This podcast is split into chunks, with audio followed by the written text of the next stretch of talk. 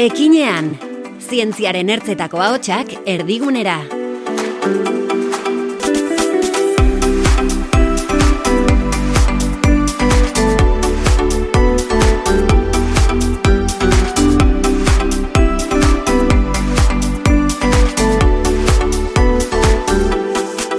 Kaixo, eta ongi etorri ekinean podcastera.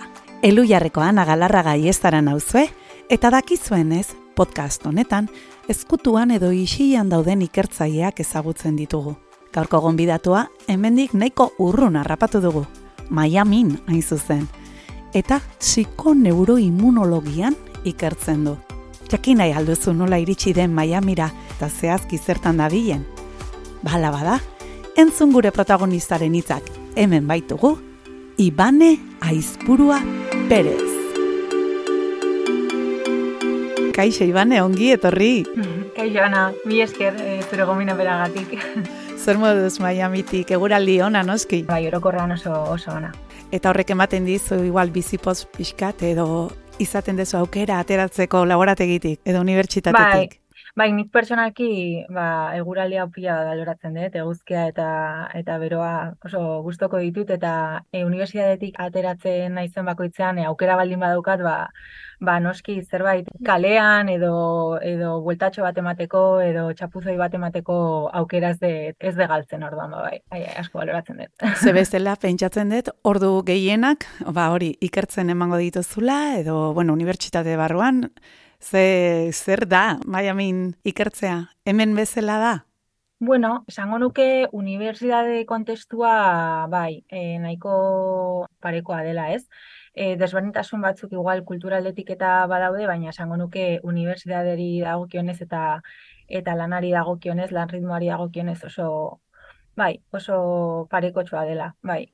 Hala ere, ezakit, beste hemen topatuko etzenuken zerbait aurkitu dezu hor? Bai, bueno, prinsipioz eh, profesionalki Miamira otxaian iritsi nintzen, espezifikoki eh, Miamiko Unibertsitatean ziko neuroimmunologiaren arloan lan egiten duen ikerketa talde batean eh, eh, ikerketa egonaldi bat eh, egitera, ez? Izan ere, ba hori, doktore egotesia disiplina honetan kokatzen da, eta, eta bueno, espezifikoki hemen aurkitu izan dudana, ba, e, aldez aurretik espero, espero nuena zen, ez? Ba, beraiekin lan egitea eta eta beraiekin e, kolaboratzeko aukera izatea.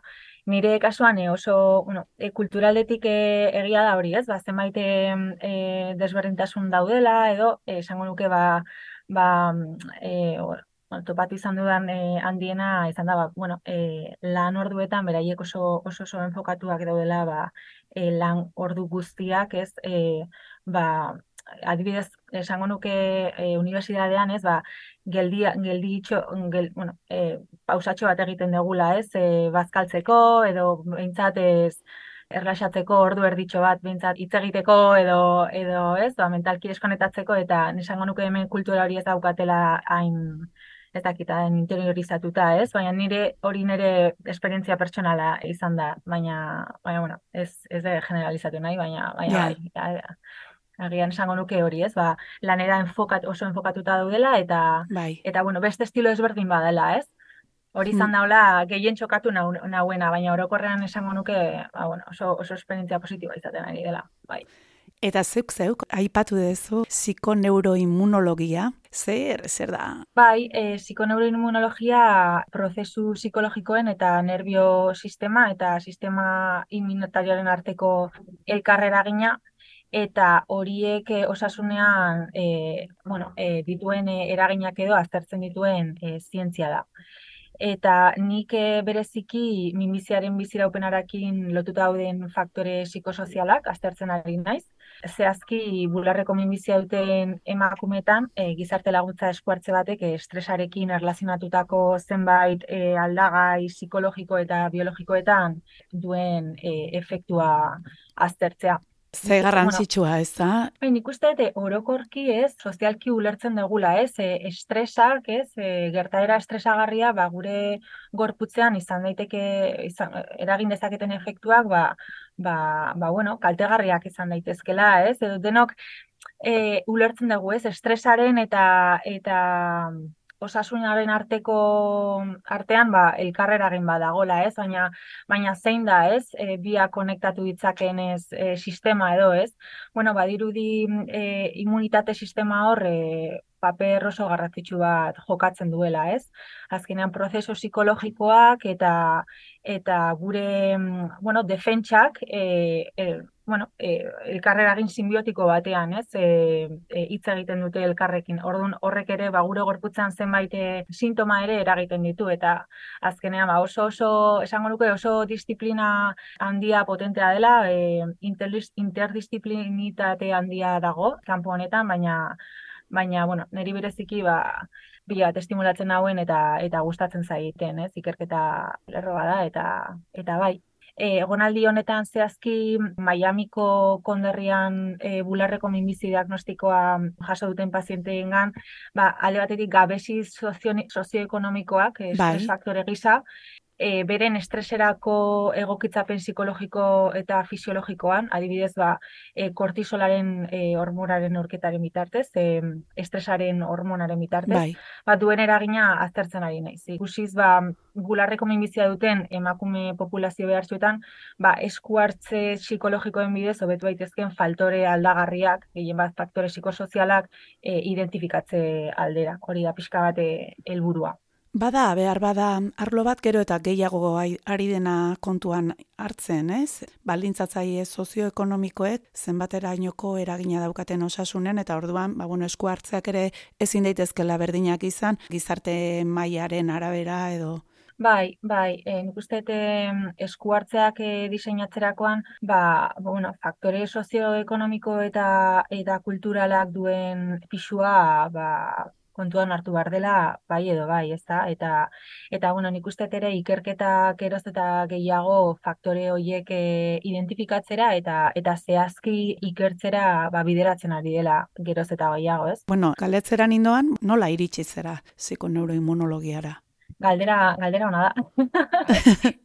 Bai, bueno, eh, lehenik eta behin, nik momentu honetan psikologia fakultateko psikobiologiako taldean, tesia amaitzen ari naiz, eta hasiera batean psikologia ikasten hasi nintzanean argi neukan prozesu psikologikoen eta osasunaren arteko jo, elkarrekintza edo lotura hori interesatzen zitzaidala, ez? Eta psikobiologiako ikertarleak horretarako, bueno, hori zehazki aztertzeko aukera eman zidan gehien bat, niri interesatzen zaidana da, ikustea nola faktore psikosozialak adibidez gizarte laguntzak, ez nola estresa eta osasunaren arteko erlazio horretan e, edo, edo erlazio hori modulatu ez, ditzaken e, ezagutzea.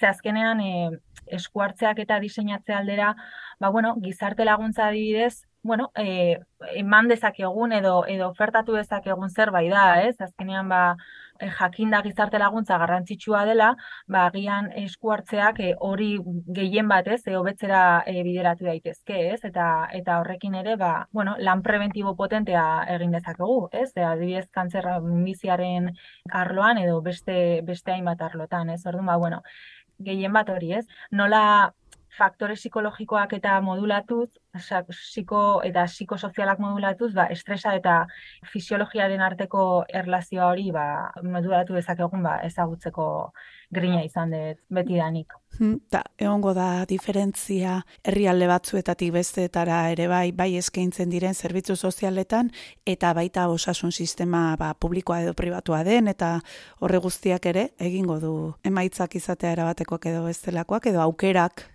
batzuk errazagoak bai. izatea eta beste batzu zaiagoak. Hori ja zurezko ez dago noski. Ja, bai.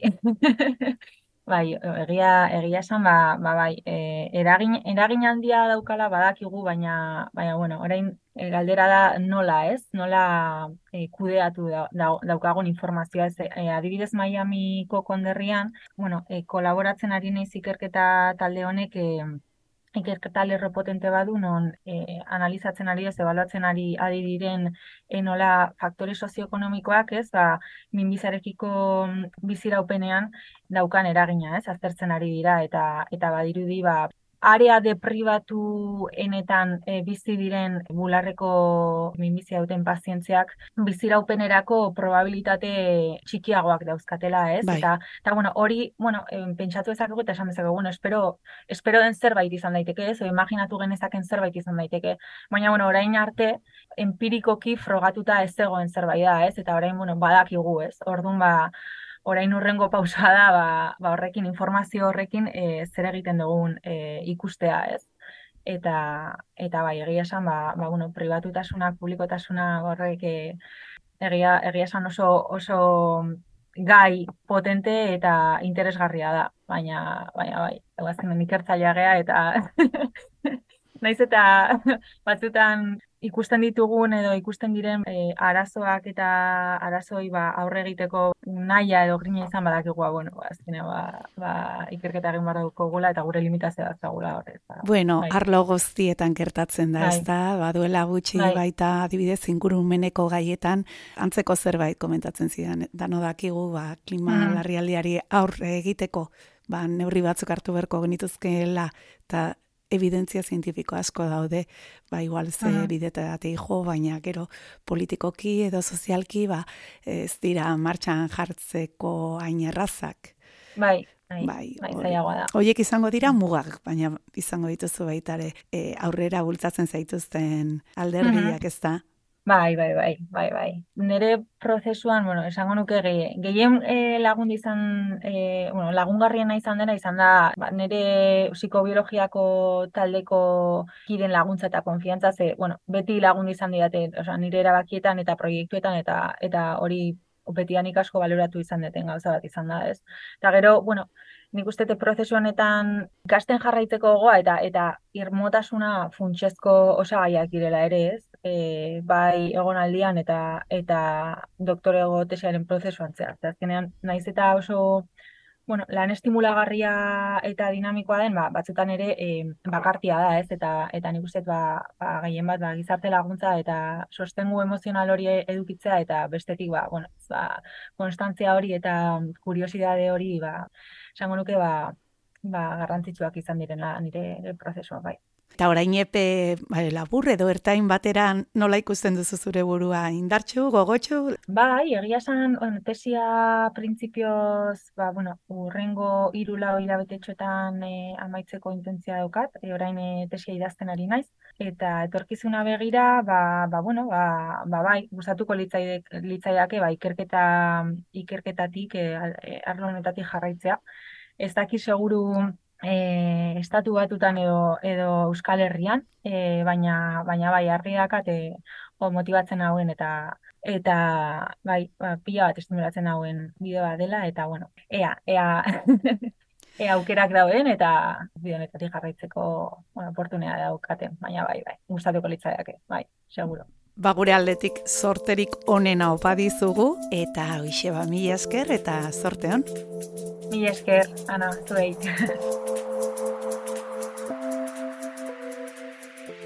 Eta eskerrik asko zuri ere, entzule hori, Ibane Aizpurua Perez eta Pion arteko solasaldia jarraitzeagatik. Datorren hilean, ekinean dabilen beste ikertzaile bat ezagutuko dugu, hemen, ekinean podcastean, bitartean, ondo bizi.